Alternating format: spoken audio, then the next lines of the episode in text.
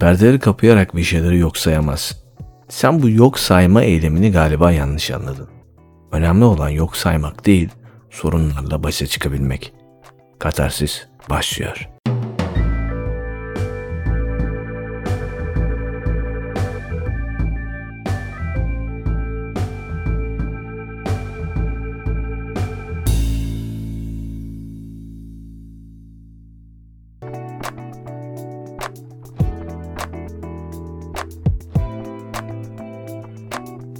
Gözlerini kapattığında hiçbir şey yok olmuyor. Her şey olduğu gibi devam ediyor. Sadece sen bazı şeylerin farkında olmuyorsun. Kontrolü kaybediyorsun. Sorunları halının altına süpürme. Bu sana zarar verir. Kendine karşı güvenini de yitirirsin. Olup olmaması önemli değil. Sadece göz teması kurman önemli. Varlığını bilmen önemli.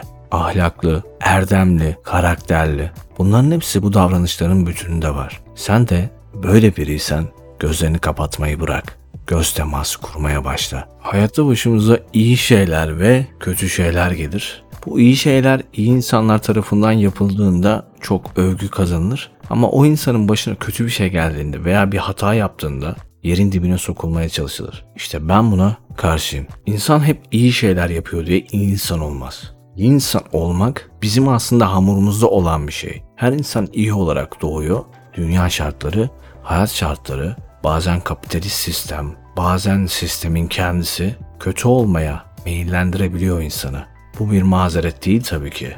Biz hep iyi olanı seçmeliyiz. Olumlu davranmalıyız. Pozitif bakmalıyız. Evet bunlar sana belki safsata olarak geliyor. Ne rahat konuşuyorsun. Bunları söylemek çok kolay gibi geliyor ama az önce de söylediğim gibi insan iyi diye hep iyi olmaz. Kötü diye hep kötü olmaz. Psikoloji, vicdan, kişisel gelişim, felsefe, sosyoloji bunların hepsi anlık tepkimelerle psikoloji dediğimiz kavramlar en çabuk bozulabilen, en çabuk kırılabilen bir kavram olduğunu düşünürsek, bu varsayım üzerine gidersek neden hep iyi olsun veya neden hep kötü olsun? Olayları hakkaniyetle değerlendirmemiz gerekmiyor mu? İyi miydi? Kötü müydü? Bu olay ne gerektirdi? Neden böyle oldu? Neden böyle oldu sorusunu sormaktan kaçınmayın. Bu gayet doğal bir soru.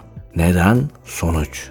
Bizim kaçırdığımız noktada bu. Gözlerimizi kapattığımız noktada bu. Ya hep iyidir ya hep kötüdür. İşte bu bir problem. Altın örneği verilir. Altını çamuru atsan da değer kaybetmez. Altın yine altındır denir. Aslında çamura atıldığında manevi olarak bir şeyler kaybediyor. Çamurlu altın oluyor.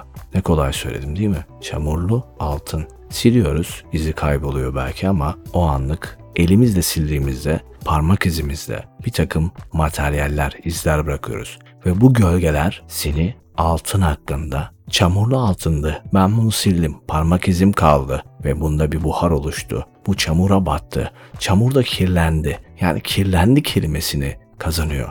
Aslında insanlar da böyledir. İnsanlar maddi olarak insanlık değerlerini manevi olarak kaybediyorlar. Problem burada. Kötü insan olduğu zaman kötü insan olarak anlıyorlar. İyi insan oldukları zaman iyi insan olarak anlıyorlar. İyi insanlar belirli bir süre sonra bozulduklarında ya çok kötü bir tepki alıyorlar. Hata yaptıklarında çok kötü bir tepki alıyorlar. Hiç beklemezdik yazıklar olsun. Aslında dediğim gibi neden ve sonuç. Önemli olan nokta bu. Manevi olarak değer kaybediyorsunuz arkadaşlar. Bunu unutmayın maddi olarak insanlık materyallerinizi, kollarınız, bacaklarınız, gözleriniz, saçlarınız gibi şeyleri kaybetmeseniz de manevi olarak değeriniz azalıyor. Aslında kanalı kurma amaçlarımızdan biri de buydu. Hani dedim ya insanlar bir haftalandıkları zaman mesela diyelim ki bir sinirli yaklaşımlarda bulundunuz.